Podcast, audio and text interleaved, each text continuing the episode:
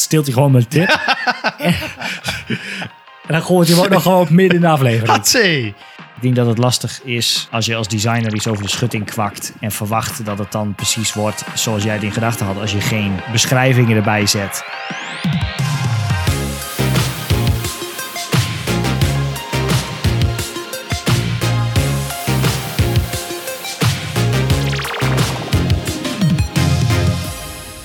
Welkom bij de Pixel Paranoid podcast. Ik ben Mikelle en samen met mijn co-host Rick gaan we alles behandelen rondom UX, UI en front-end development. En ehm, ja, het is eigenlijk een beetje vakantieperiode. Dus er gebeurt Ja. niet ontzettend veel volgens mij. Maar ik heb wel een hele lijst. Ja, jij hebt wel een hele dingen. lijst opgebouwd. Jij was weg, dus ik heb een hele lijst opgebouwd met toffe dingen. Ja. Dus ehm, als je nu een reguliere luisteraar bent, dan denk je ook van, nou, verrek, het duurt wel heel erg lang voordat die episodes online komen. Dat klopt. Ik geloof dat ook nu- vakantie. Dat komt ook door de vakantie. maar we gaan wel gewoon door. Misschien een beetje een ander ritme dan eh, iedereen gewend is. Ehm, ja, en normaal gesproken hebben we dus ook eh asides. Maar we kiezen ervoor om dat deze aflevering niet te doen. Dus we hebben gewoon allemaal wat eh, kleine losse onderwerpjes. En daar gaan we het lekker over hebben. Dus eh, ik zou zeggen, take it away. Eh, ja, ik heb iets heel vets kwam ik tegen. Dat is toch wel echt heel vet. Eh, Er komt iets aan, namelijk de Large, Small and Dynamic Viewport WIFs.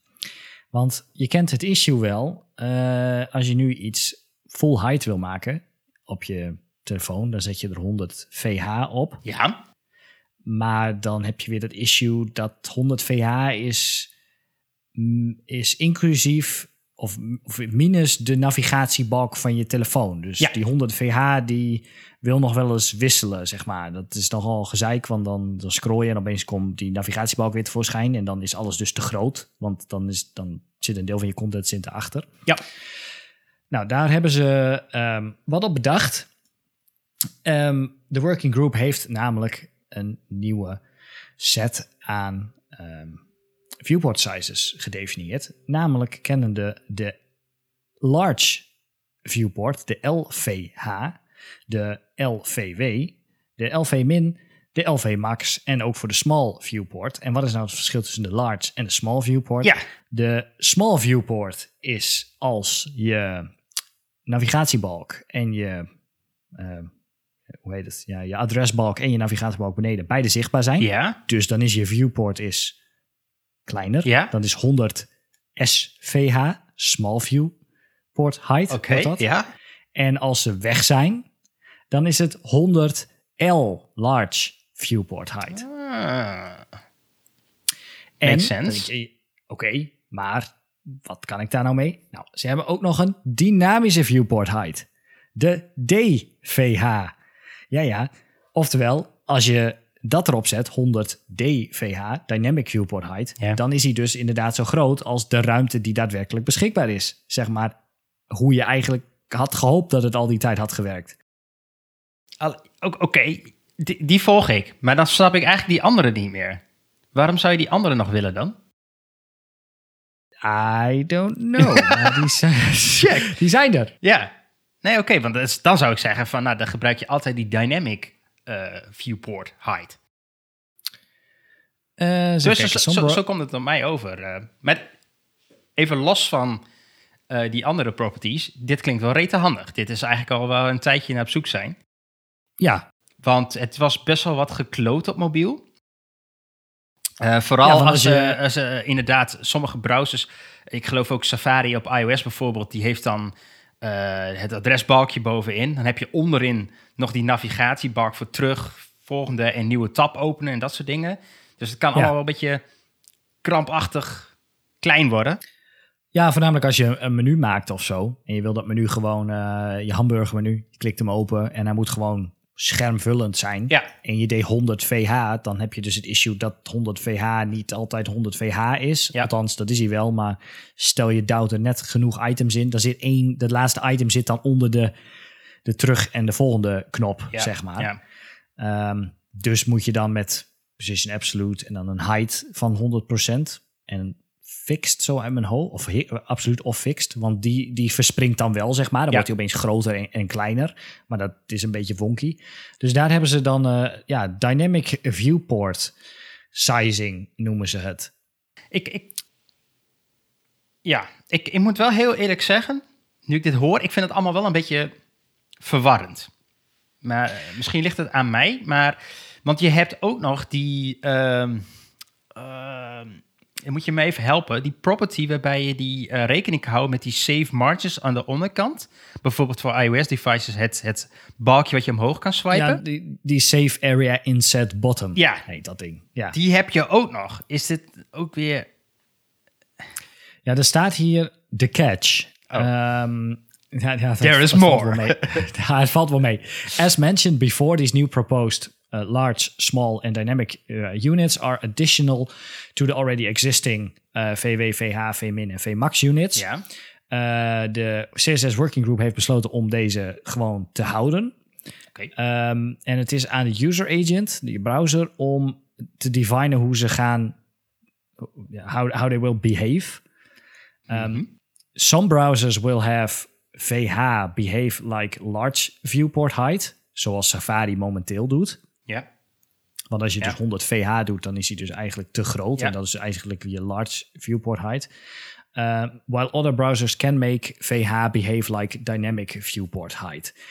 Ehm, ja, dat, dat is het eigenlijk. Oké. Weet jij of hier al eh browsers opgesprongen zijn?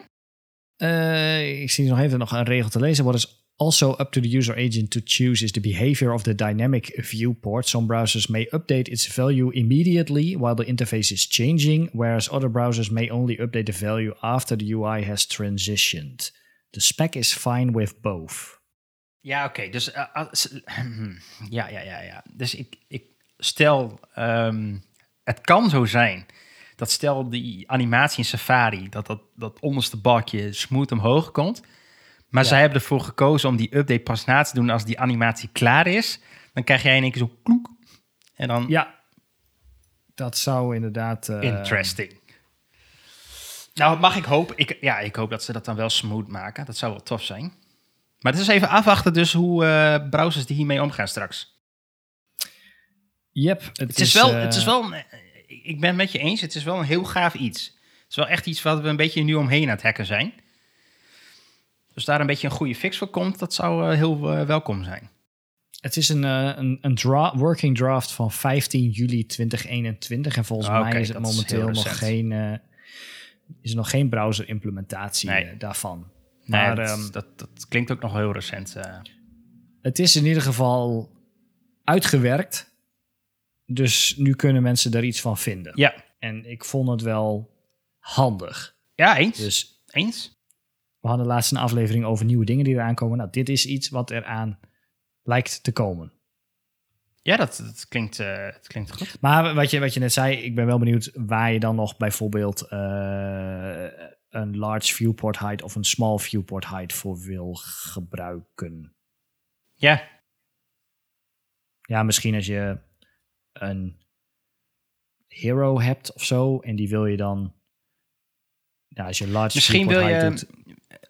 Wil je iets maken wat ehm, niet telkens resized. Bijvoorbeeld, eh, ik noem maar wat. Je hebt een, eh, een menu wat je open wilt vouwen. Die heeft een background. Eh, maar dat die background niet mag verschuiven, bijvoorbeeld als je hem open dichtklapt en dat je iets doet met scrollen, weet je wel, dat die gewoon fix blijft staan. Dat je dus altijd de large gebruikt. Ja, Ook al komt er iets overheen, dat boeit dan niet. Maar dan blijft hij wel staan en dan blijft hij even groot. Dat is misschien nog wel... Ik kan me voorstellen dat je van die background images hebt. Dan heb je bijvoorbeeld eh, background size ehm, cover. Eh, maar Ja. die, scheelt, die scheelt op basis van wat die beschikbare ruimte die heeft. Maar die, als die ruimte steeds wisselt, dan ver- verschuift die achtergrond ook. Dat je dat dan niet wil. Eh, zoiets. I don't know. Het zijn wel Ja. wat edge cases.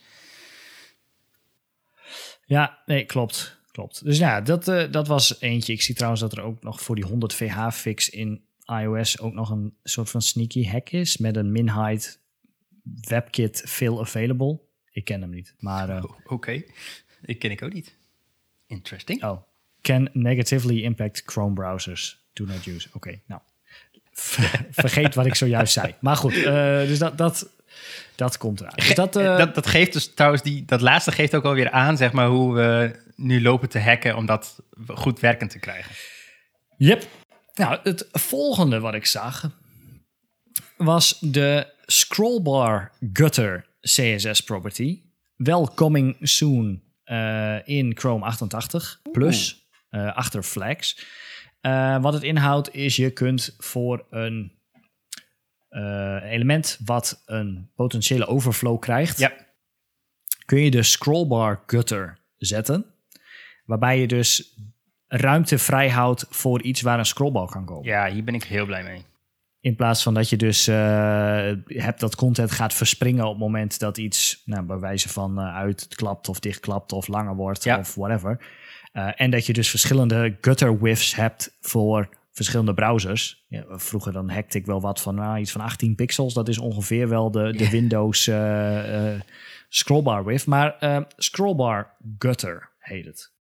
En is daar dan ook een, een, soort van default value voor? Of Ehm, ja, ze hebben scrollbar gutter stable is dan de, ehm, is de property. ja? Uh, waarbij de user agent always shows the scrollbar gutter if, even if the box is not overflowing and the scrollbar is not shown. Ja, ja, ja. Ehm, ja, En dat is dan uh, die, die gutter die die, uh, of die ruimte die je voor, je voor die gutter reserveert, die is dan op je- basis van het OS en browser? ja je, kunt hem niet, je kunt hem niet zetten volgens Nee, mij. oké, oké, Nee. top, top. Of ja, top, dus is- maar dat, die is- snap ik, die is logisch. Ja, dat... ehm, Maar wat, een- wat een leuke uh, tweaks. Dat maakt het wel Ja. even, net weer even wat beter ook. ja, dus dat, die, die komt eraan eh in, eh, in Chrome. Ik denk ook, nou, had, nee, nou hadden we daarop, ik dacht even aan een, een mobile browsers, eh, maar dat, daar had je dat issue niet, natuurlijk niet echt, want die scrollbars hingen er altijd overheen, dus dat was niet het probleem. Maar het voelt wel weer eh, wat meer solide of zo. Dat, dat verspringen is wel een beetje webachtig. Dat, als Ja. dat er dan ook uit is, dan ja, beter. Nou, wat je wel, wat je wel, waar ik dit wel vaak ehm, heb, is als je van die een beetje one-page websites maakt, zeg maar echt, echt hele kleine websites, Ja. en dan dus niet, die niet heel veel content hebben en dus niet heel lang zijn, dat je dan, ehm, ja, ik, kan me eigenlijk niet eens meer een voorbeeld herinneren waar dat in dit geval voorkomt, maar ik- in het verleden had ik wel eens een website waar je op de homepagina bij wijze van geen scrollbalk had, op een of andere wijze. Ja. En dan op een contentpagina wel. En dan kreeg je altijd de, de testfeedback van... ja, het logo verspringt Ja. als ik op het eh, volgende linkje klik. Ja, of je, of je hebt een, eh, een pagina met eh, een, bijvoorbeeld een aantal FAQ of van die accordeons. Ja, standaard, Oh, ja. geen scrollbar. Vouw je eentje uit. Oh, scrollbar. Shit, al- alles verschuift. Ja, Ja. precies. Dat de pagina opzij springt. Nou ja, dat, dat zou je dan dus nu kunnen zeggen... door altijd die gutter te tonen. Ja. Eh, of nee, niet de gutter te tonen. Ja, de ruimte vrij te houden voor de scrollbalk. Dus het is niet dat je dan een soort overflow eh scroll er neerzet... ook al is er geen balk. Eh, want dan heb je, dan heb je zo'n lelijke balk daar staan. Ja. Maar ehm, ja. En nou ja, dat brengt mij gelijk bij het volgende. De grote vrienden van Google Chrome hebben een onderzoek gedaan naar de Scroll Survey Report van 2021. Waarbij ze van alles nog wat. eh, eh, ze hebben 880 mensen gevraagd ehm, naar van alles nog wat wat betrekking heeft op scrollen op het web. In eh, bijvoorbeeld carousels, eh, scroll hijacking, infinite scroll dingen, scroll linked animations, horizontaal scrollen, nou, et cetera, et cetera. Oké. Eh, is wel, het is niet een heel groot rapport, maar is wel interessant.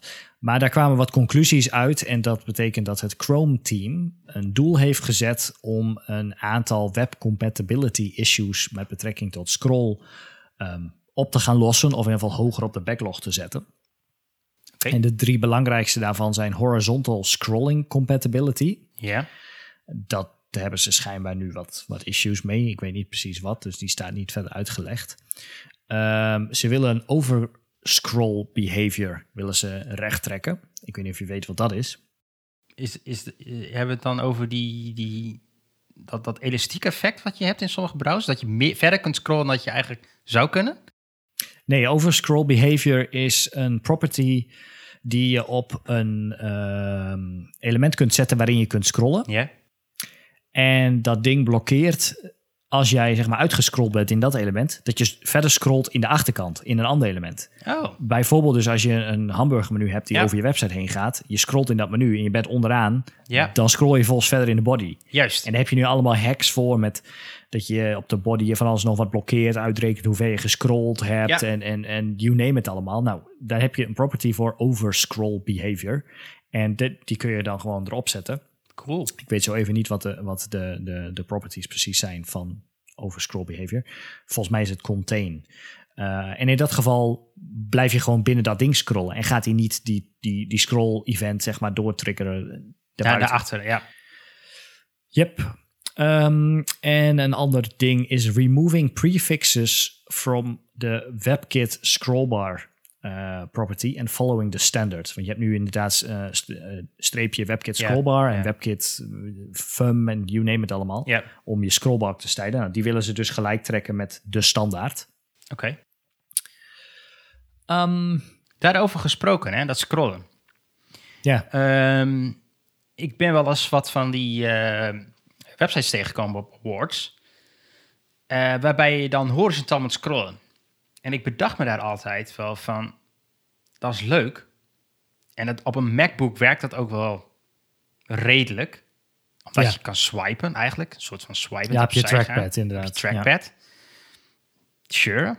Alleen mensen op een Windows met een muis misschien. Dat is echt super kut. ja, volgens mij ook. En ik heb wel al eens een keer gezien, eh, of, of wel eens, eh, dat gebeurt wel vaker. Dan is naar beneden scrollen ineens opzij Opzij scrollen scrollen. geworden. Ja. Maar dat voelt echt heel raar. Ja, dat is een beetje dat, dat GSAP-bedoeling waar je het vorige Ja. keer over had. Ja. Daarmee kun je dat soort dingen doen. Dat je door zo'n website heen scrolt en dan opeens ga je naar beneden. En dan opeens ga je naar rechts en dan weer naar links en dan weer naar beneden. Ja, alleen ik, ik, ik snap het zeg maar in de zin van het is uniek en het is eh, misschien wat, wat frisser, wat nieuwer idee.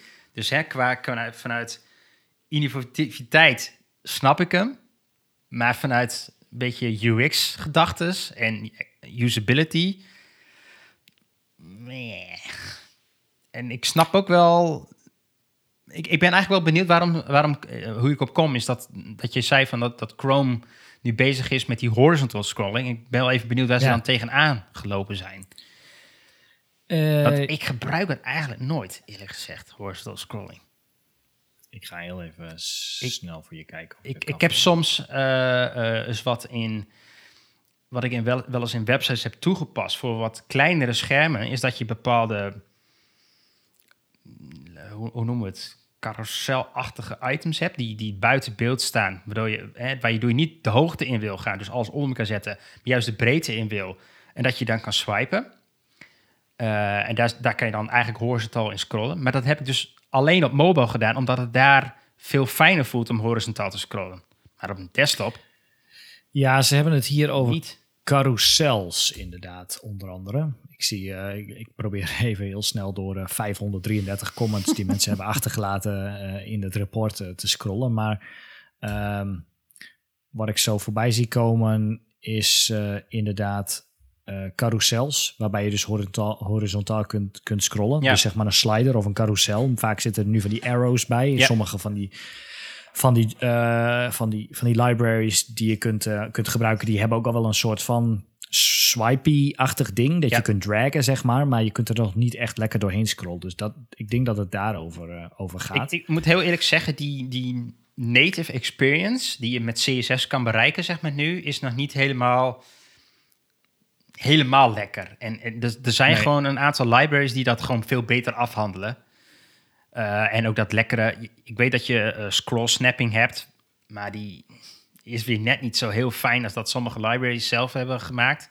Mhm. Dus ja, ik, ik snap wel dat daar hier wat verbetering in kan komen. Maar Ja. is, dit is alleen een- een Chrome-exercitie. Of WebKit. Eh, ja, dit is een Chrome-exercitie inderdaad. Dus, eh, Hmm. En hetzelfde geldt ook. Ik zie hier nog één puntje staan. Having to account for padding on the end in horizontally scrollable flex containers. En dat is wel een goeie. Hmm. Ik weet niet of je dat wel eens hebt gehad. ja, Eh, als je inderdaad een aantal items naast elkaar laat flexen. en je zegt van whitespace, no wrap en je wil dat dat gewoon dat je daarin kunt scrollen, Ja. dan en je geeft die container geef je links en rechts, weet ik veel, padding, dan werkt dat rechts niet, Nee. zeg maar. Die padding die, die doet niks, die scrolt Vanwege gewoon door die, tot die scroll. eh, precies. Dan moet je zeg maar dat ding nog weer wrappen in een parent en dan op die parent moet je dan een padding eh, toevoegen en dan... een padding ja, toevoegen ja. en dan scrolt hij inderdaad niet verder dan, Ja. eh, dan dat je eigenlijk heel herkenbaar dit. scrolt. Dat is wel een goeie. Dus- Dus dat was het, het, het Chrome stukje. En als we dan toch over Chrome hebben. En ik heb hier. Dit, deze staat alweer een tijdje op mijn lijstje. Dus ik ehm, weet niet meer helemaal exact de details. Maar Chrome heeft hun table engine ah, geüpdate, zeg maar. Mhm. De, de, ja, wat is het? De render engine voor tables Ja, in, in CSS. Dat ding is al, was al heel oud. Of in CSS, in HTML. Dat ding was al heel oud. En eh, die hebben ze dus herschreven. Waardoor eigenlijk een hele rits aan bugs die al heel lang op de, de WebKit, eh, ehm, de Chromium backlog stonden, in één keer zijn, eh, zijn opgelost. 72 bugs in één Zo. keer. Allemaal dingen van die, van die borders die collapsten, terwijl dat Ja, niet ja. moest. En, en borders op een laatste row die dan verdwenen. En allemaal andere vage eh, van die TD-TR-issues. ja. Ehm, dus die zijn allemaal opgelost. En ze hebben ook gelijk ehm, writing modes met vertical, left, right. Ja, ik heb het nog niet gebruikt. Maar dat soort dingen hebben ze ook allemaal toegevoegd. nice. Ehm, ja, je, je kunt meerdere dingen collapsen. Ze, ze hebben een hele lijstje met, met, laten we zeggen, nieuwe features voor tables. Dus, eh, dus dat was wel cool. Ik zet hem wel even in de show. Ik, ik, ben, ik ben wel benieuwd. Chrome is altijd wel lekker bezig met dit soort dingen. Eh, Firefox trouwens ook wel.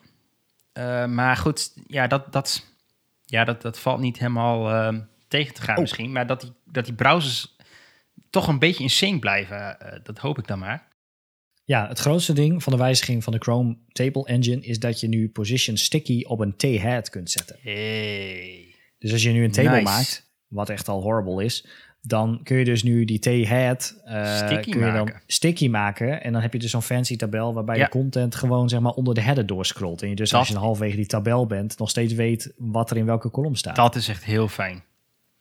Dat is echt ja, heel ik, fijn. ik probeer zo min mogelijk tables te gebruiken. Ja, nee, maar is goed, je je komt af en toe eh, klanten of projecten tegen waarbij je gewoon data hebt wat je moet tonen.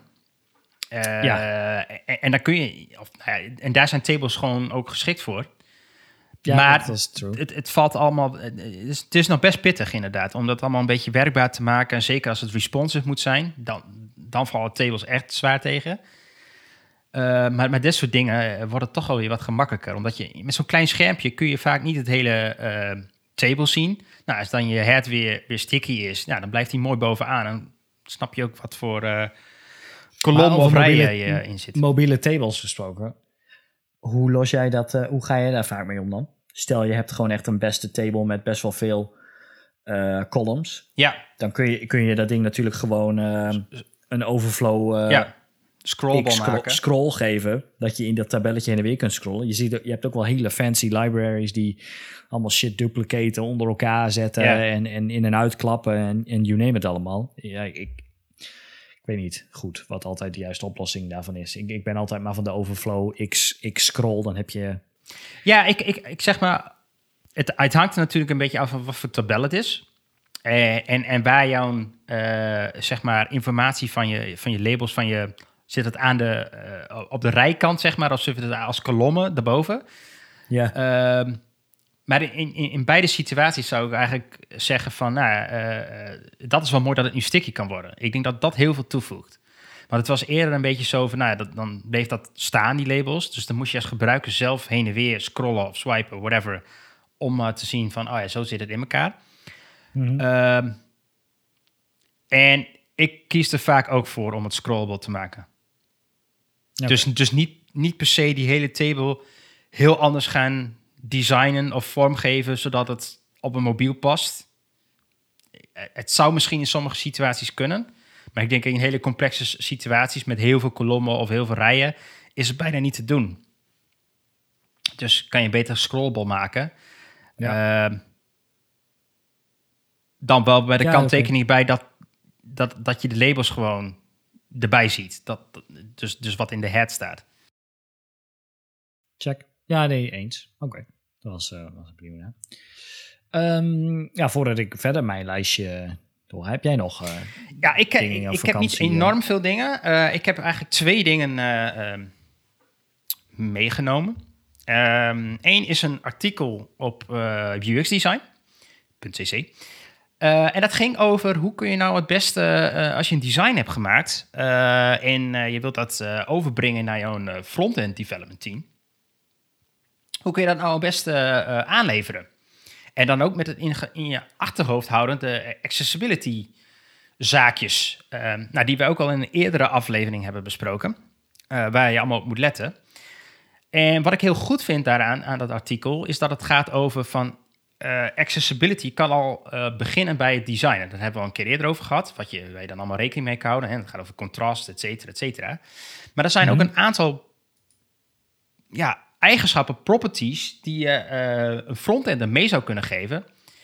Want stel je werkt met een frontender en die heeft nog niet helemaal dat accessibility in zijn vingers. Of eigenlijk kun je hem helpen door wat extra informatie mee te geven.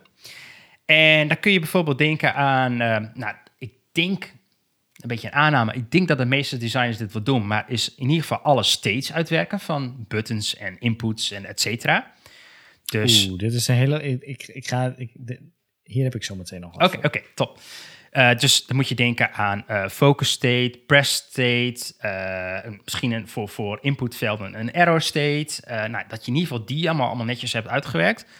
Ehm, wat ook heel handig is, is dat ja, ik, ik, ik heb het artikel gelezen en ik, kijk, ik ben ook deels een frontender, dus ik, ik snap hem. Ik kan me ook voorstellen dat designers denken van ja, maar hier ga ik niet allemaal doen.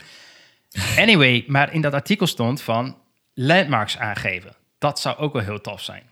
Oftewel, je zegt, eh, je hebt een header, dan geef je een landmark header mee. Je hebt een Ja. main, wat valt er dan allemaal onder de main? En je hebt een, bijvoorbeeld een footer, wat valt er in de footer? Dat je die eigenlijk al aangeeft wat daarin zit. Maar moet je, dan moet jouw designer, en dan gaan we weer dan de discussie Ja, van, ja. van de vorige aflevering weer Exact. Uit de sloot trekken.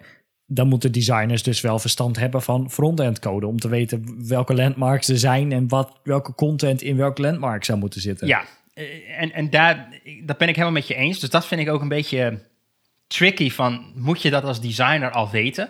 Tuurlijk, het zou echt rete handig zijn, want ik denk dat je de frontender ontzettend veel helpt en het ontzettend veel werk uit zijn handen neemt daarmee. Ja. Dan hoeft hij niet allemaal van tevoren gaan nadenken, oh, welke landmarks moet ik allemaal aanmaken en nou, et cetera. Eh, maar ja, eh, vind ik lastig. ja, vind ik lastig. ik, ik denk dat je dit heel erg moet bepalen. Het hangt er maar net af wat voor rol je echt hebt in het team. En, en hoe het team eruit ziet en wie welke kennis heeft. Laat ik er wel zeggen. Als je, als, als je als designer dit wil gaan bepalen, dus dan, ja, als je er geen verstand van hebt, dan ga je roepen van, joh, dit is een header, dit zit ook in de header, Ja. ook, en dan zal dit de main zijn en dit is dan de footer. Maar als je daar eh, bepaalde dingen gaat roepen die dan technisch weer godsonmogelijk zijn, door te zeggen van, ja, dit, is, dit hoort ook in de, in de, in de, in de header, maar dit staat eigenlijk eh, hier al naast de content, ja, zeg maar. ja, ja oké. inderdaad. Ik ben, van sommige dingen denk ik inderdaad van... dat gaat misschien wat ver voor een designer. Eén ding die ik er wel in goed vind staan... is aangeven welke headings er toegepast worden. Ja, Eh, daar kan je als designer ook gewoon goed ja. over nadenken. Ik, ik zou bijna zeggen van als jij waarschijnlijk een, eh, een website designt, dan ga je netjes al je verschillende eh, lettertypes uitwerken en al verschillende font sizes, et cetera. Nou, dat, dan kom je headings tegen, verschillende headings. Je komt paragrafen tegen, je komt buttons tegen, et cetera. Links. Als je daar al van aan kan geven welke heading het is, dat zal ontzettend helpen. Dat is wel handig, want wij hadden dat zelf eh, van de week ook. We hadden een design gemaakt. En daarin hadden we op de homepage een beetje flashy, moderne homepage, dikke grote titels en alles. Alleen die H2 die we op de homepage hadden staan, font size, ik veel, you name it, 40. Ehm, als je die in de, op de contentpagina zou willen gaan gebruiken, diezelfde H2 met dezelfde styling, Ja. dan was dat echt veel te groot, zeg maar. Ja. Dat, dat was de, de contentpagina wat niet helemaal, of had weer wel dezelfde stijl, maar die had, was wat compacter, laten we het zo zeggen. Ja. Dus ehm, gebruik je dan zeg maar een, een H3-styling voor een H2-element. Dan is het wel handig als je dat inderdaad ook meldt. ehm, Misschien bij een frontend developer. Misschien snapt hij dat wel. Als hij er doorheen gaat uh, van... hey, oh, dit, dit, zal een H1 zijn, dan zal dit een H2 zijn. Hm, waarom heeft hij H3 styling? Oh, misschien omdat hij dan te groot is of zo. Maar als je het er inderdaad bij zet van... hey, dit is eigenlijk een H2, maar ik heb hem als H3 gesteld, want... Kan, kan inderdaad wel handig zijn. Ja, ja, eens. En ik denk ook gewoon dat uh, als je dat goed hebt uitgewerkt... dat het design daar ook gewoon... Uh, ja, wat netter van wordt. Gewoon... Uh, er zit er ook, de, de, kans is dan ook gewoon kleiner dat het in de frontend weer compleet anders gaat, zeg maar. Um, en een ander dingetje uh, wat er ook in stond, en dat vind ik ook wel heel netjes, is uh, de aria described, uh, of described by, oh. erbij yeah. zetten. Van hey, hoe zou ik dit element omschrijven? Textueel, zeg maar, voor de mensen die een voice-over gebruiken. Of een voice assistant. Um, en omdat je toch al vaak bezig bent met toch in design ook al wat met wat teksten, met wat beschrijvingen, wat in buttons komt te staan, zou je dat wel gewoon heel netjes mee kunnen nemen, denk ik. Door gewoon even een labeltje of een tekstballonnetje erbij te zetten van hey, uh, zo zou die moeten omschreven worden in de area uh, labels. Ja, ja, ja, precies. Nee, ik, ik krijg opeens even een, flashback naar een artikel op CSS Tricks van 21 juli, die ik even in show notes ga zetten. Okay. Uh, a step-by-step process for turning designs into code. En dat is eigenlijk een beetje ehm, wat jij nu vertelt, yeah. maar dan vanuit de frontender die een design aangeleverd krijgt. En hoe je het beste, zeg maar, een design kunt ja, platslaan en opknippen in, in, in blokken. En in welke stappen je daar dan doorheen gaat. En die heeft eigenlijk een beetje hetzelfde als wat jij net noemt. Um, maar dan vanuit de frontend kant. Dus ja. hey, uh, oké, okay, we hebben dus verschillende blokken zo te zien. En er zitten verschillende titels. Die titels lijken allemaal even groot. Oké, okay, dus dit, dit is zo te zien een blok met een titel, een video en een stukje tekst ernaast. En nou, op, op die manier. En oké, okay, ik zie hier de kleur blauw terugkomen en groen en bla bla bla. En hey, waarom is dit dan oranje? Weet je, dat soort, uh, ja. um, dat soort dingen. En, en ook inderdaad layout level ideas, zoals ze dat noemen. Header, main, footer. Wat zijn verschillende... Uh, verschillende blokken. En op die wijze, als je het per blok opknipt vanuit de frontend kant, kun je ook weer vragen terugstellen aan je designer van hey, ik zie in dit blok um, gebruiken we titel zoveel en lettertype uh, 16, maar uh, dit andere blok is lettertype 18. Klopt dat wel? Ja, ja. Dat, dat soort uh, dat soort dingen. Dus zo, ja, ik denk dat je gewoon samen moet werken. Ik denk dat het lastig is als je als designer iets over de schutting kwakt en verwacht dat het dan precies wordt zoals jij het in gedachten had, als je geen beschrijvingen erbij zet en geen vragen uh, terugkrijgt. Ja. En als frontender, ja, als je een goede designer hebt, dan moet je haast wel feedback krijgen, tenzij het dus een super clear design is of zo. Ja, check. Het, het hangt natuurlijk van elke situatie af. Uh, ik kan me ook voorstellen dat er bij bedrijven of organisaties zijn waarbij de designer en frontender misschien heel ver uit elkaar zitten. En echt letterlijk gewoon dat een frontender gewoon designs over de schutting krijgt. Uh, ja, in dat geval dan hoop je op een design wat behoorlijk uitgewerkt is en uh, ook wel het een en ander aan beschrijvingen erbij heeft. Maar ja, ik, ik, ja. ik zou bijna zeggen, het liefst zit je wel dicht op je designer en kun je daar gewoon mee sparren en, en aangeven van die dingen die ik eigenlijk net noem. Uh, nou ja, dat, dat, kun je wel deels in je design werken. Maar wat zij bijvoorbeeld in het artikel ook erbij hebben gezet, zijn de tabstops. Vind ik wel erg ver gaan. Want dan moet je ja. echt al weten hoe de hele HTML-structuur in elkaar zou zitten. Ja. En wat ze er ook bij hebben gezet is welke iconen area hidden zou moeten zijn. Ja. ja. Maar waarom zou je de tabstops willen wijzigen? Dat vraag ik me ook een beetje af waarom je die volgorde zou willen, anders zou willen hebben dan standaard. Ja, ze hebben dus een voorbeeld uitgewerkt bij wij we die tabstops dus ook al in zitten. Ik vind het wat ver gaan, uh, is ja, mijn mening. En, de, en, die iconen, ja, oké, okay, die iconen hiden. Uh, ik, ik heb mezelf aangeleerd om gewoon eigenlijk niet nergens alleen icoontjes te gebruiken.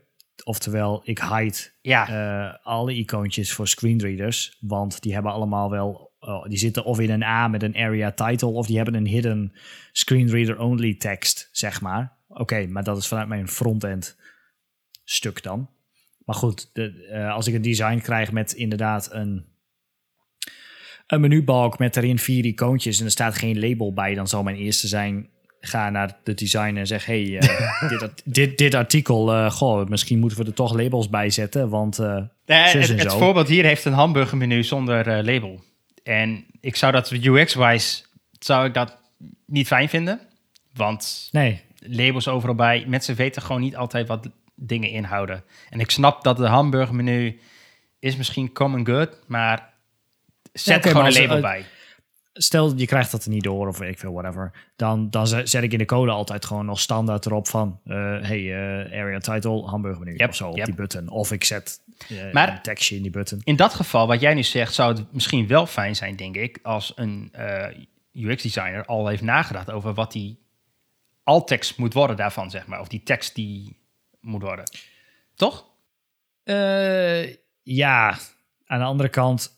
De sites die ik de afgelopen jaren heb gemaakt... zijn allemaal zo CMS'able... dat praktisch alles wat ergens kan komen te staan... wel CMS'able is. Dus Ja. dan mag je er wel over nadenken. Maar dan wordt het toch gewoon een eh, curly bracket, curly bracket, eh, hamburger title, punt, whatever.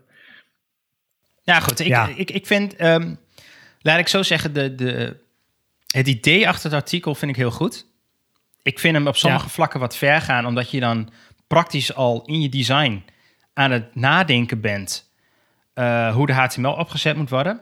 Ik vind dat niet helemaal een klus van een designer, eerlijk gezegd, want daar wordt je, je designklus ook wel erg lang van. En, en, en, en best wel, nou, hoe zeg je dat? Ja. Duur, om het tussen haakjes zo te zeggen. Terwijl dat ook wel een beetje in de vingers van de frontender moet zitten. En die het ook wel snapt van sommige dingen. Ah ja, dat, dat, dat komt wel goed. Maar van sommige dingen vind ik ook heel goed dat er al over nagedacht is. Zoals die headings en zo. Ehm, Ja. Nee, ik vind dit wel Ja. een goed artikel om dan te combineren met dat eh, step-by-step process for turning designs Ja. into front-end code. Ehm, daar gaan ze dus, nou, de- die gast legt het in drie stappen uit. Eerst oh, grote, even een, een quick scan, daarna in de blokken en daarna per blok en dan nog wat vragen. En dan heeft hij dus ook van, hey, eh, ik zie dat we hier eh, deze, deze, deze kleur gebruiken. Waarom gebruiken we één keer de kleur geel? Noem maar wat. Eh, ik zie dat we drie, drie body font sizes gebruiken, 16, 18 en 20. Klopt dat wel? Uh, ik zie een, een, menu met een icoontje ernaast, maar ik heb geen uitwerking van wat er gebeurt, zeg maar, als ik daarop klik. exact. Nou, maar van Exact. dat soort, uh, dat soort dingen. Van hey, hey, ik heb een bullet list en de ene keer zijn het bolletjes en de andere keer zijn het vierkantjes. Ja. Klopt dat wel? Hebben we twee lijstjes? Nou, allemaal van dat soort dingen die je, um, ja, die je gewoon even moet scannen, denk ik. En Ja. dan terug zou moeten, terug zou moeten koppelen. Eens? Dus ik, dan moet je wel goed samenwerken met je designer. Ja. Alright. Uh, nou, dat was het artikel dus uh, voor, voor designers. Uh, ja, dus, dus steel ik hem nog even. Want Wat? jij had, het over, ja, jij had het over states of design die je moet opleveren. Oh, ja. En ik heb een artikel over de nine states of design. Kijk. En doe een gok. Ik, dit is, we, we spelen play a game. En welke nine states of design hebben we? Tudu, tudu, tudu. Oké, okay, we hebben default. We hebben hover. We hebben press. We hebben focused. We hebben inactive. Ja, ja, jij zoekt op net. Ik, ik, of bedoel ik je dat niet? Ik probeer de, de states als zijnde. Uh, denk aan perceived performance. Dus je hebt zeg maar. Okay, dus staat je van. een je hebt een comp empty, ja? empty state. Ja. Je hebt een loading state. Ja. Uh, een arrow state? Maybe? Ja. Ja. Nou, dan, dan heb je dus ook een successful state. Of... Ja, ja, dat is correct. Ja, dus tot dusver heb je er vier. En de, nou, een default state, dat is als, als gewoon ge, gerend en geladen is. Ja, mm, ja oké. Okay. Hm. Nou begint het interessant te worden. Ja, je hebt, um, althans, deze beste man, Vince Speelman. hey, Nederlander. Nou, mooi. Um, uh, nee, ne negen states. Uh, state 1 is nothing. Wat gebeurt er voordat jouw component iets doet? Misschien is het nog niet geactiveerd. Misschien is heb je een proces nog niet gestart. Um, en dat is niet hetzelfde als een empty state dus? Eh, nee, hij ziet dit zeg maar als het welkomstscherm van Figma of Framer of Sketch. Dus je hebt daar de opties Oh. met, hey, wat, wat, wat wil je doen? Wil je dit doen, dat doen, zus of zo. Dus je hebt nog niks gedaan met het, Right. met het component.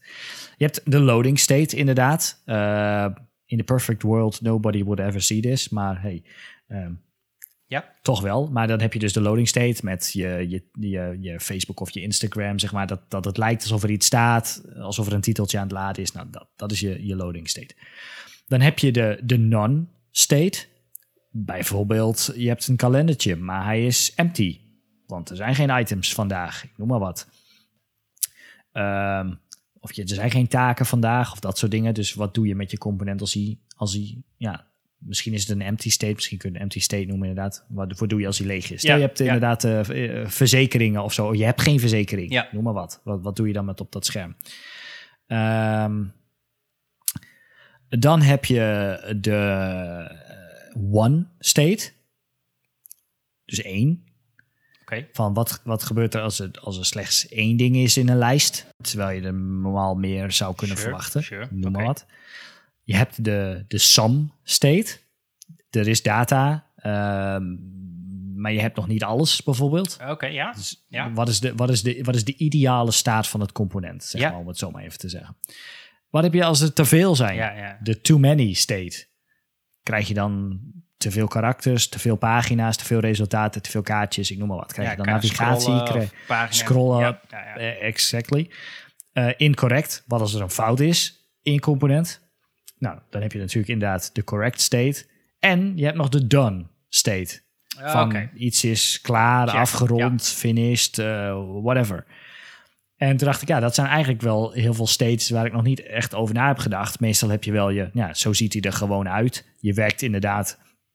Ja, soms heb je natuurlijk altijd een handje van, we werken in de, met de ideale naam. Maar goed, wat als eh Ik moet wel zeggen, met drie achternamen iets invult? in- intuïtief pak ik wel zeg maar vaak een, een, tenminste dat probeer ik, een complexe state te pakken.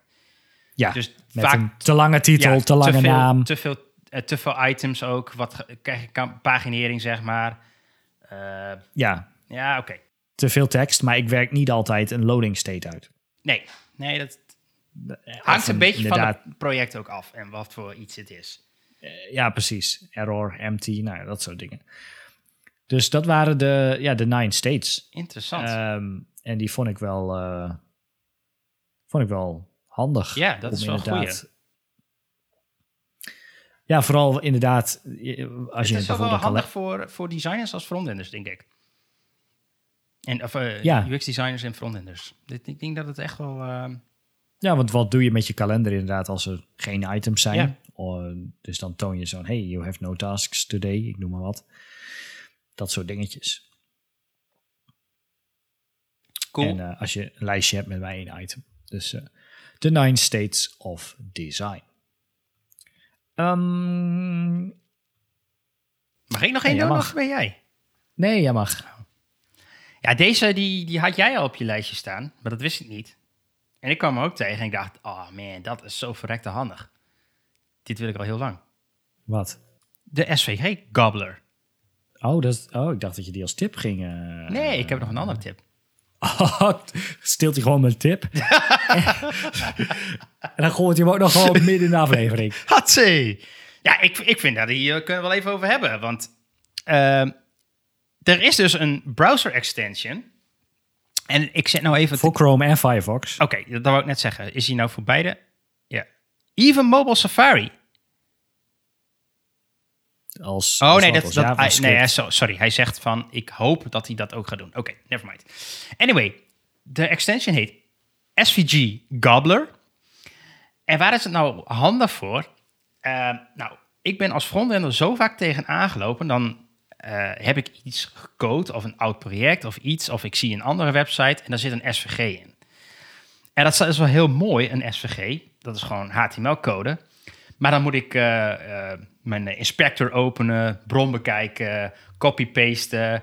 eh, ga ik naar mijn code editor, plak het daarin, save ik als SVG. En dan heb ik eindelijk de SVG te pakken. Nou, Ja. dat is een behoorlijk eh, irritant proces. En zeker als je even iets aan het designen bent en van een project. Oh, ik moet even die, die, die SVG'tjes eruit trekken. Nou, daar hebben ze dus een plugin voor gemaakt. Dat heet SVG Gobbler. SVG Gobbler, sorry. En daarmee kun je nu gewoon eh, zeggen eh, van eh, genereer hier maar even een SVG'tje van. En dan kun je hem gewoon downloaden. En je kunt er zelfs PNG'tjes van maken. Of wat anders. Dus dat is wel cool. Ja, je kunt gewoon heel makkelijk inderdaad de SVG opslaan. Ja, Want dan zit je rechtermuisknop en dan denk je, hè, waar- waarom kan ik open in nieuw? Nee, dat kan niet. En dan, oh, nee, maar het een is geen image, het is code. Dus je browser die, die denkt van, nou, het zal wel. En hij wordt wel gewoon gerenderd als een soort van plaatje. Maar je kunt er niks mee. Ehm, en eh, deze plugin eh, helpt. En ik, eh, ik word hier heel blij van. Ja, ja nee, eens. Dat, eh, je, je, kunt, je kunt ook eh, die, die plugin trouwens aftrappen op een website en dan trekt hij alle SVG's van die Ja, page. ja. Ehm, dus, En je eh, kunt ze dan eh, enkele downloaden. Je kunt, ze, je kunt alsnog de code kopiëren. Eh, je kunt eh, eh, exporteren dus als SVG. Je kunt de code bekijken. Het is, het is best wel een handige tool. Ja. Nou, Ja, ja, eens, da- ik zeg eens. kopen, nu. Oh, het is gratis. gratis. Downloaden, gratis. nu. Heb ik al, heb ik al, heb ik al. Nee, inderdaad. Nou, dat was wat ik had. Oké. Ja, ik heb nog. eh, ik heb nog wel. Ik ga, ik ga gewoon door. Een opiniestuk over Safari is killing the web. Ik ben het er niet mee eens. Oh, ik ben het er mee eens. Eh, ja, nou ja, de, there has been a lot of discussion recently about how Safari is becoming the new Internet Explorer. ja, En toen dacht ik, ja, dat, dat is, is stiekem wel een beetje zo. Althans, ik heb wel echt het is nog Nou, niet zo heb- erg, maar het, is, het zijn wel iedere keer zeg maar van die, van die hele kleine dingetjes. En dan, dan, dan ben je aan het testen of zo. Of je krijgt van testresultaten terug. En dan is het inderdaad, ja, op iPhone eh, is dit te hoog. Scrolt dit niet? Stort dit in elkaar? eh, op een of andere onvage wijze. De meeste dingen gaan nu eindelijk tussen browsers eigenlijk wel goed. Eh hoef niet na te denken over rare Flexbox dingen en, en, en grid dingen. Want Internet Explorer. is eigenlijk bijna de pijp uit. Maar nu heb je inderdaad ehm, Safari die, ehm, die issues heeft. En nou zit er tussen iOS, Safari en ehm, Safari zelf zitten ook nog wel wat, ehm, eh, wat verschillen volgens mij. Maar inderdaad, Safari is, eh, is killing the web, is eh de statement van dit artikel. En ze hebben daar een hele lijst met features die in Chrome bijvoorbeeld in 2016 en in Firefox in 2018 of 19 al geïmplementeerd zijn, die nog steeds niet in, ehm, in Safari zitten. Bijvoorbeeld de contain property, de focus visible property.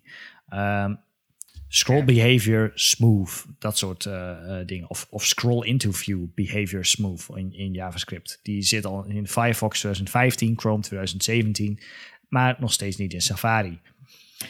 Ehm, nou, dan heeft hij een, een, een eh, lijstje met cijfers. Wat eh, aangeeft hoe goed browsers alles ondersteunen. En Chrome is 88, Firefox 86 en Safari is 68.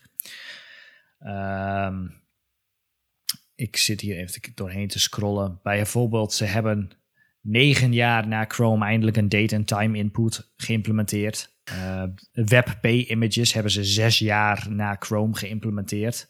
Inderdaad, dat weet ik nog. Dat was volgens mij dit jaar zelfs. Dat ze zeiden, holy shit, WebP wordt eindelijk ondersteund in Safari. Na zes jaar. Ehm, Intersection Observer hebben we het al wel eens over gehad met JavaScript. Je kunt kijken of iets in beeld is. Nou, dat is, werkte nu, maar dat hebben ze pas twee jaar nadat de rest eh, het had ge- toegevoegd. Ehm, ja, wat hebben ze verder nog? Er, er staat nog een hele lijst met, ehm, met bugs open in Safari. Dat zijn niet allemaal ehm, echt CSS-bugs of zo, wel een, wel een paar, maar ook allemaal dingen over HTTPS en localhost en, en weet ik veel allemaal. Dat soort eh, shadow DOM issues. wat, Die, wat, eh, wat is de conclusie? Wat, hoe kan dit? Nou ja, de, er staat hier Chrome wordt elke zes weken geüpdate. Ehm, en dat wordt vervroegd naar vier weken vanaf Q3 2021. Eh, Firefox heeft iedere vier weken een grote update. Brave iedere drie weken. En Safari iedere zes maand. Ja, oké. Eh, eh, dat wil nog niet per se zeggen dat... Kijk, dan kan ik me voorstellen dat je zes maanden maximaal achterloopt, zeg maar.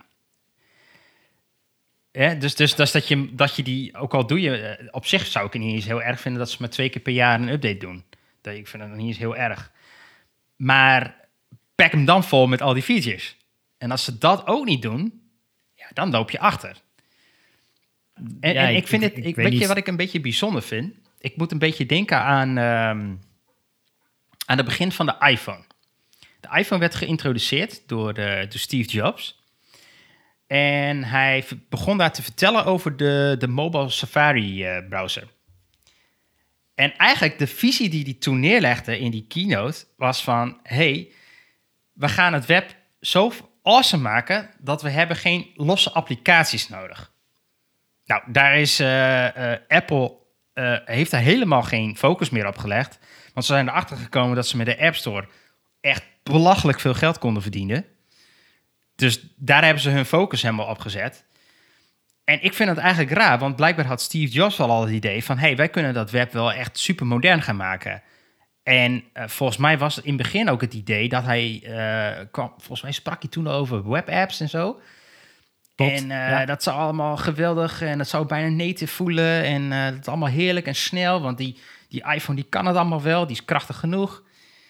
En dan, en dan gaan, dus nu Apple hebben ze nu een browser die, die achterloopt met allerlei best wel interessante, Nou ja, leuke dat nieuwe is e- features. Een van de argumenten die hier wordt gemaakt is van waar, waar, waarom loopt Safari dan achter? Ja, Um, is it motivated by protecting Apple's App Store profits? Want een, een deel van de dingen die niet geïmplementeerd zijn, is alles wat te maken heeft met jouw webapps, zeg maar. Je kunt nu wel pagina's opslaan die dan dus inderdaad eh, een, ehm eh, hoe heet zo'n ding? Ik ben even de naam kwijt. Ehm, als je een, webs een, een pagina downloadt als, als app, zeg maar, dan is het een... oh zo'n, Jesus. ja, ik weet wat je doet. Zo, zo'n progressive web app, Ja, ja, PWA, ja. PWA? Alleen, ja, alleen die heeft dan dus weer niet alle toegang, zeg maar, die die nodig Nee. heeft om een volwaardige app te zijn. Exact. Je kunt geen notificaties ontvangen en dat soort dingen. Hij heeft niet toegang tot, tot alle dingen die je in, op Android in Chrome wel zou hebben. Ja.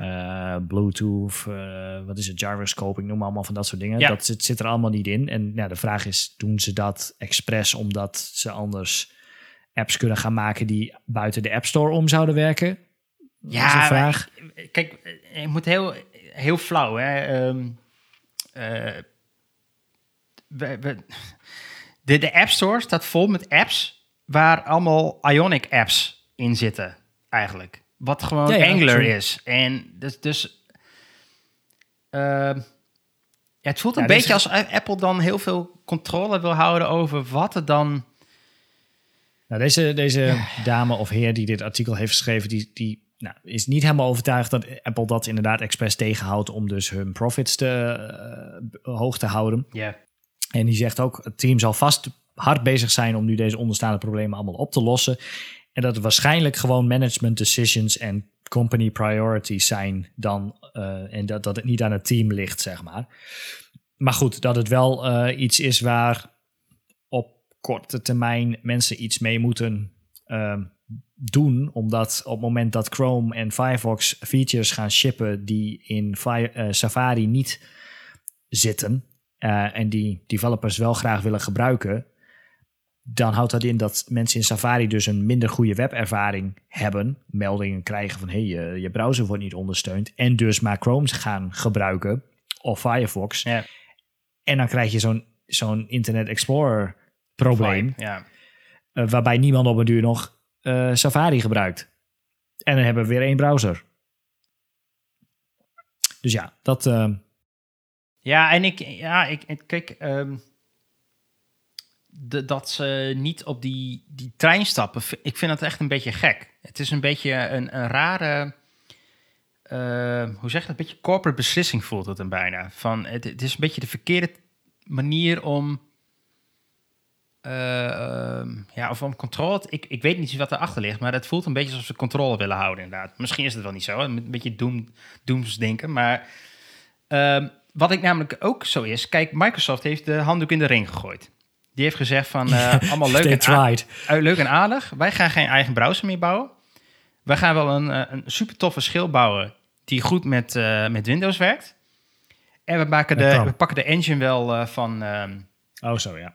Van, eh, eh, van Chrome. En dan Ja. hoeven we daar niet meer tegenaan te, te boksen en te doen. En hoeven we daar geen effort meer te steken. Wij steken hem wel in het ecosysteem eromheen. Ja, Yep. eh, dus oftewel Microsoft gaat nu ook gewoon mee met de trein die Chrome heen heeft gezet. En nou ja, Firefox doet dat in, in haar eentje, wat ze heel knap doen. Wat ik altijd heel erg knap vind overigens. Want ze hebben niet van een bakker geld er altijd achter zitten. Eh, Nee, precies. maar waarom, waarom Apple dit niet doet, ik, ik, ik weet het niet. Het is zo'n.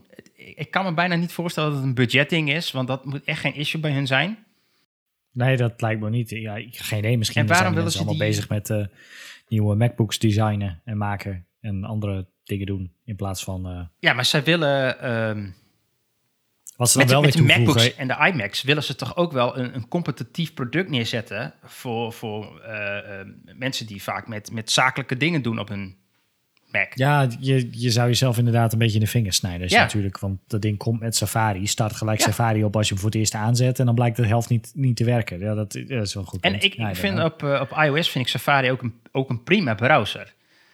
Maar als developer Ja. loop ik wel tegen dingen aan waar ik denk, ja, doe eens. Ja. ja, nee, true. Nee, dus nou ja, dat... eh, Ik, ben- ik ben wel benieuwd of er straks een moment komt dat als, als ik zeg maar als, als gebruiker ook tegen issues aanloop waarvan ik denk van, nou, ik had het gehoopt dat het in Safari zou zitten.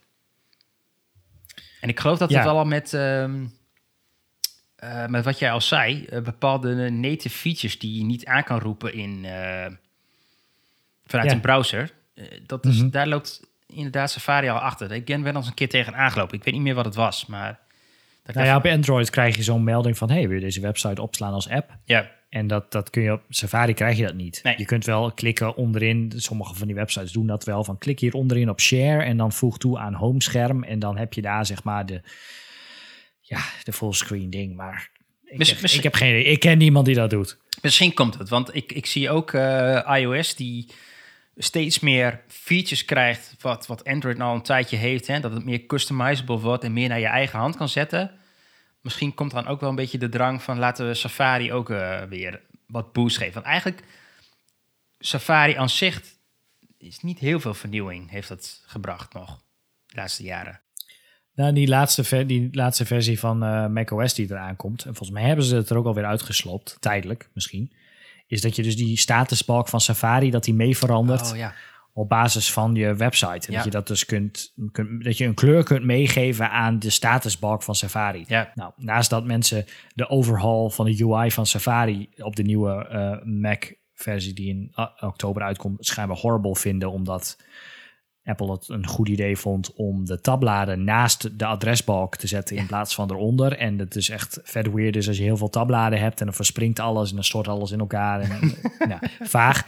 Kun- kunnen mensen dus ook, die hebben nu al uitgevogeld dat je met JavaScript dus die kleur van de statusbalk kunt zetten. Dat dus kunt koppelen aan sections op je website. Dus stel je hebt allemaal van die sections, allemaal van die repen die allemaal een andere kleur hebben als een soort regenboog. En je scrolt naar beneden, dan verandert die balk op het moment dat jij bij de gele balk komt, verandert je balk ook naar geel en groen en paars. En nou, daar werden mensen niet heel vrolijk van.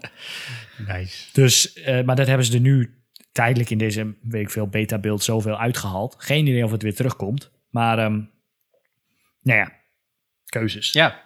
ja ik, dus dat ik- was mijn eh, Safari-stuk. Cool. Ik, of nou, cool. Eh, ik hoop dat ze het fixen, eerlijk gezegd. sad, sad, sad. Ja, het is, het is sad, maar ik, ik hoop gewoon dat ze het fixen. Dat ze het gewoon meekomen.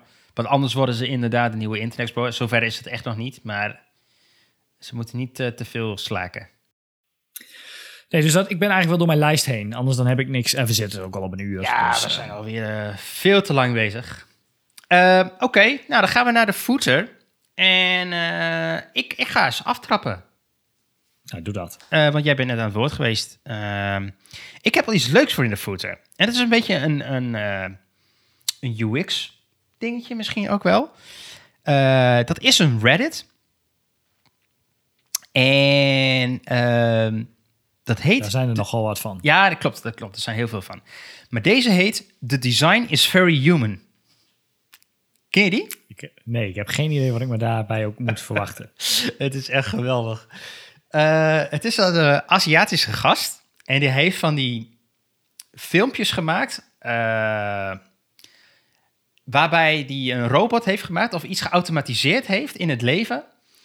En dat. Eh, en een van zijn commentaren is dan altijd bij. De design is very. Het is heel gebrekkig Engels. Het ziet er ook uit alsof hij een filmpje heeft gemaakt uit de jaren 80 of zo. En hij heeft altijd een oplossing gemaakt voor iets wat, wat helemaal geen probleem is. Bijvoorbeeld, ehm, eh, wat had hij ook gemaakt? Oh ja, hij had een, een, eh, een, een, een slaapkamertje, zie je. En heeft hij een heel smal bedje. En zegt hij, ja, ik val er steeds uit in de nacht. En het is heel overdreven, een beetje telcelachtig, zeg maar. Ja. En dan zie je hem eruit vallen en zegt hij... Nou, daar ga ik, heb ik een, een oplossing voor gemaakt. En dan is zijn quote, zeg maar... The design is very human. Uh, dat is een beetje gebrekkig Engels natuurlijk. En uh, wat heeft hij gemaakt? Heeft hij een aluminium shit, shit. uh, bekisting gemaakt. Dat ziet eruit als een soort lijken uh, la, zeg maar. en, en, dan gaat hij automatisch gaat hij met een knopje naast zijn, uh, naast zijn been. En dan kan hij zichzelf in een kist schuiven en dan gaat het dekseltje dicht. En dan zegt hij ook van, ja, het is heel comfortabel, lekker en warm. Ik zie het ook four-leg walking machine. Ja. Hij is, uh, humans have two legs, dogs have four. Very unfair. Ja. Uh. Het is een beetje, dit is dan weer het, een beetje de, waar je dan die reactie van die Franse gast uh, op, uh, die op Dumper telkens voorbij komt, zeg maar, die dan ook zo, zo de, Jezus, waarom doen mensen dit? Ik weet niet of je die gast kent. Je hebt vast wel een keer die reactie gezien. Misschien, zo, ja, ja. Zo'n uh, zo'n Franse, Franse jongen, ik weet niet eens wat zijn, wat zijn naam is of zo. Maar dan, dan kijkt hij zo'n video en dan doet hij zijn handen zo omhoog. Zo van, en dan pakt hij gewoon, zeg maar. Nee, Nee, niet gezien. nee, nee, ik, ik, nee, zeg me niet even niet zo wat, maar... Die, uh, dat, dat, is een beetje tegenovergesteld. Hij, hij, zegt, hij kijkt dan die video en denk je van, waarom zou je dat zo doen? Je kunt ook gewoon zo doen. Die, die, die apparaten die hij dus maakt, die zijn echt compleet niet gebruiksvriendelijk. Maar hij heeft dus altijd die quote bij, the design is very human. Oftewel, het moet heel gebruiksvriendelijk zijn. Ja, maar gaat er wel wat tijd in zitten, zie ik. Ja, dat, het, zijn, het, het zijn echt de meest nutteloze apparaten. En ze zijn ook allemaal. Alles gaat heel erg lomp, zeg maar. Dus hij heeft ook een, een uh, uh, dat noemt hij de bathbot gemaakt. Dat is eigenlijk gewoon een, een soort van ijzeren rek waar je jezelf op vast kan knopen.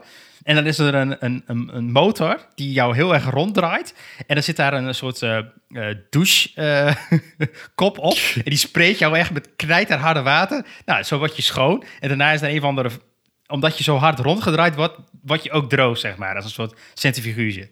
Nou ja, ja. Uh, allemaal dat soort apparaten. Dus ik, ik, vraag me ook af hoe lang hij daar wel niet mee bezig is om het allemaal te maken. Het is echt super komisch. En het is zo super droog. En uh, kan alleen maar... Ik denk dat het Chinees is eigenlijk, uh, dat die gast van origine Chinees is. Dat maakt het ook zo grappig. Het is allemaal een beetje alsof het ergens in een hutje gemaakt is. Nou, dat. Dat was hem. Ja, ik zit even te kijken. Die gast heet, de, trouwens, die, die, die andere heet Kabi Lame Shrug. It's that simple meme, schijnbaar. is een donkere jongen die, uh, die dus dan uh, begon met een video van zo'n pizza. Dat er dan zo'n zo'n tafeltje in het midden van de pizza staat. Die eigenlijk is omdat de doos ja, dan ja, zeg ja, maar niet op je... En dan dat iemand dat dan gebruikt om dan een pizzapunt af te kunnen scheuren, zeg maar. En dan, dan zie je hem zo gewoon met, een, met zijn vork gewoon... Ja, je kunt ook gewoon snijden, weet je. Ik, volgens mij ken ik die wel inderdaad. Ik nu het zo zegt, uh, komt, uh, gaat een lampje branden. Check. Nee, uh, mijn, mijn footer is een uh, plugin voor je terminal op Mac in ieder geval. Of ja, ja, terminal voor Mac. Ja. Het heet Vig. Vig. Vig. Vig. Vig. Vig. Vig. Ik ben geen idee. V-I-G. Uh, sorry. F-I-G.io. Uh, daar hebben ze vast wat voor betaald voor die domeinnaam. Maar het is een plugin, een autocompleter voor je terminal. En het is best wel handig. Uh, stel je weet niet welke git-commands er allemaal zijn. Want er zijn nogal wat. Dan typ je gewoon in git. En dan krijg je gewoon, net als dat je in um, VS Code of Sublime of whatever... Uh, bij wijze van een, een, lijst krijgt met, met autocomplete. Stel je typ display. En dan zeg je, oh, flex, absoluut, fixed, whatever. Ja. Uh, dat soort dingen. Krijg je dus nu gewoon Git en dan krijg je een hele lijst en kun je gewoon met je pijltje naar beneden kun je er doorheen. Uh, net als NPM, hij scant ook je, uh, je project uh, mapje, zeg maar. Ja. En dan zeg je, oh, NPM, oh, je kunt run watch doen en je kunt dit doen en je kunt dat doen en je kunt zus en zo doen. Dus, um, het is echt Awesome. Het is awesome. Ja, en uh, het is alleen momenteel nog wel uh, invite only. Nou heb ik invites, dus wil je dit? Let me know via de website. Of, uh, Hoeveel invites heb je?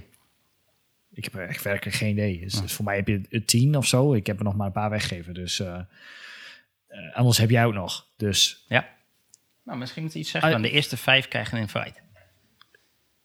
Ja, spannend. Eerste vijf, eerste vijf krijgen een invite. Dus uh, als je dat, uh, check de website fig.io. Als je denkt van, god, dat is echt super handig. Wat is het? Dat is het. Dan um, het, kunnen we je uitnodigen. uitnodigen. Ja, en het, het, het autocomplete echt veel trouwens. Dat wil ik er nog wel even bij zeggen.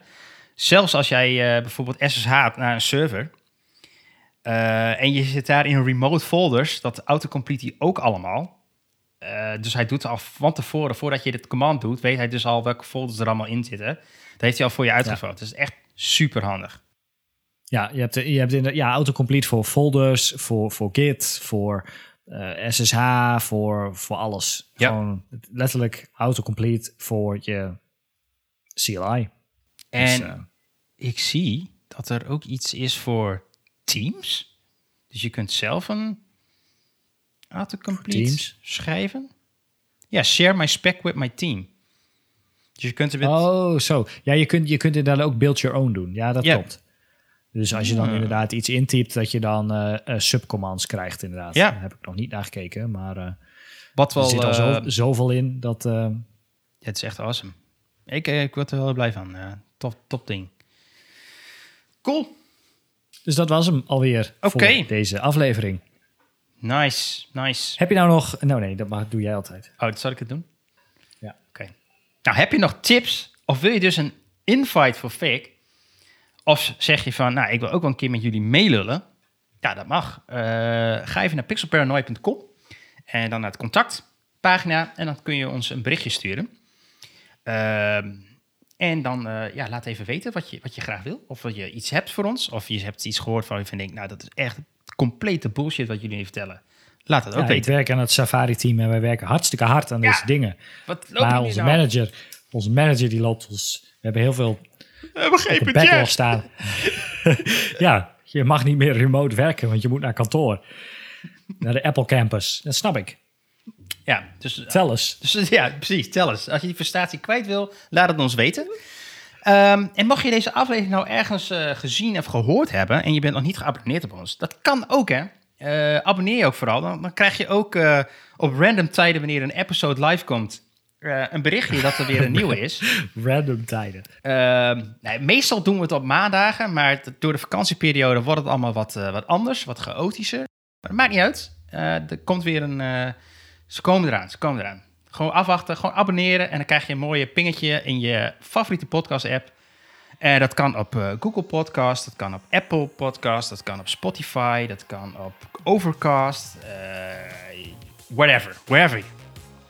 Ja, wherever you listen to your podcast. Niet op YouTube. Niet op YouTube, maar die doet ook niet een podcast.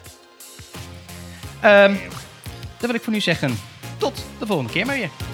Yes. Hoi hoi.